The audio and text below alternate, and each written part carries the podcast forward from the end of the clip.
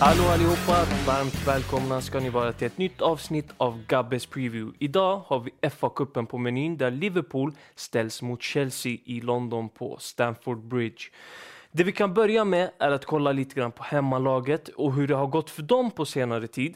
Chelsea har inte riktigt varit deras säsong egentligen.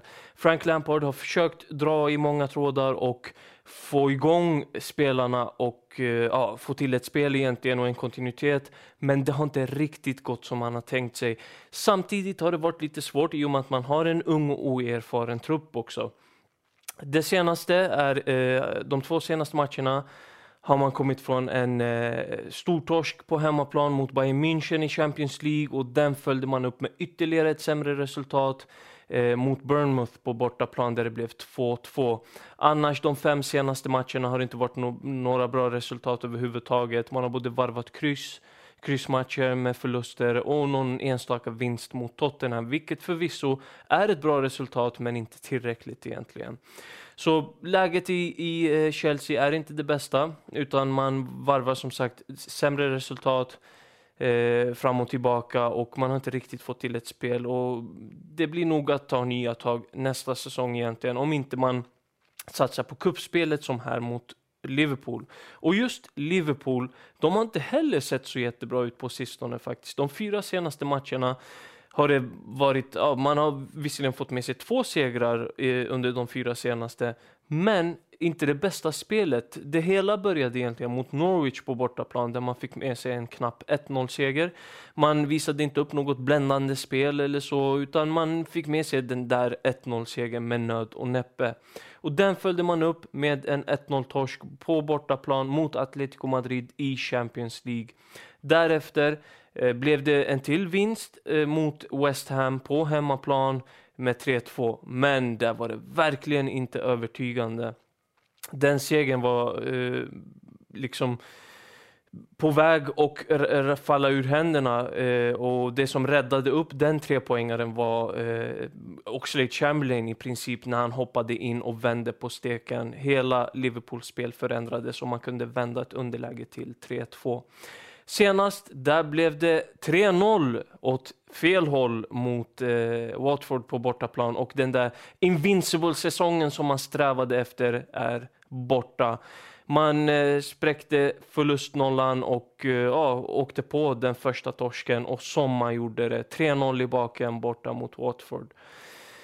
Eh, inte det bästa att komma in med mot Chelsea i FA-cupen, men likväl ett starkt Liverpool och här kan det vända tillbaka till det positiva.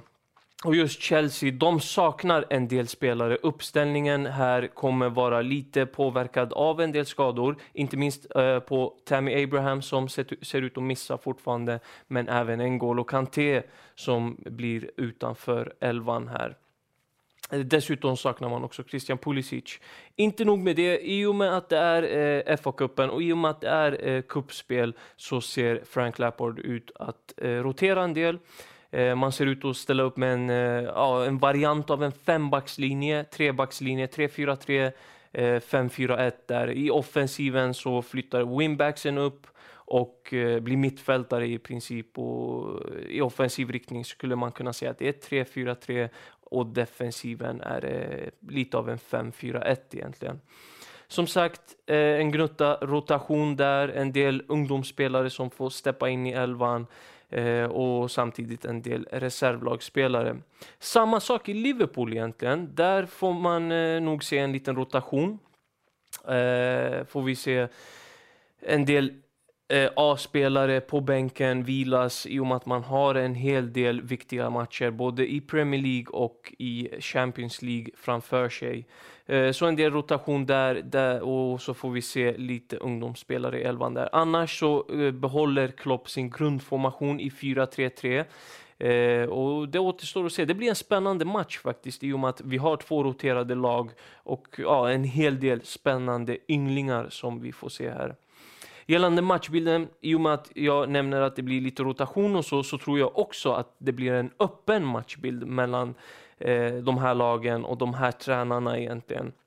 Jag tror att vi får se lite svängigt fram och tillbaka och målrikt faktiskt eh, i den här åttondelen. Lär ramla in en del bollar och en total vidöppen match kan sluta precis hur som helst.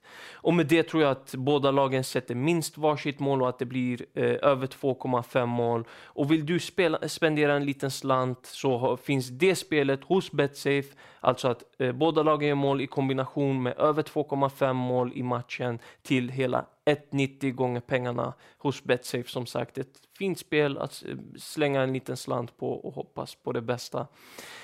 Eh, annars så eh, uppskattar jag alltid om ni skriver ner era tankar och eh, ja, men, eh, kommentera här nere och skriver vad ni tror om matchbilden, vad ni tycker om min analys, om jag är helt ute och cyklar.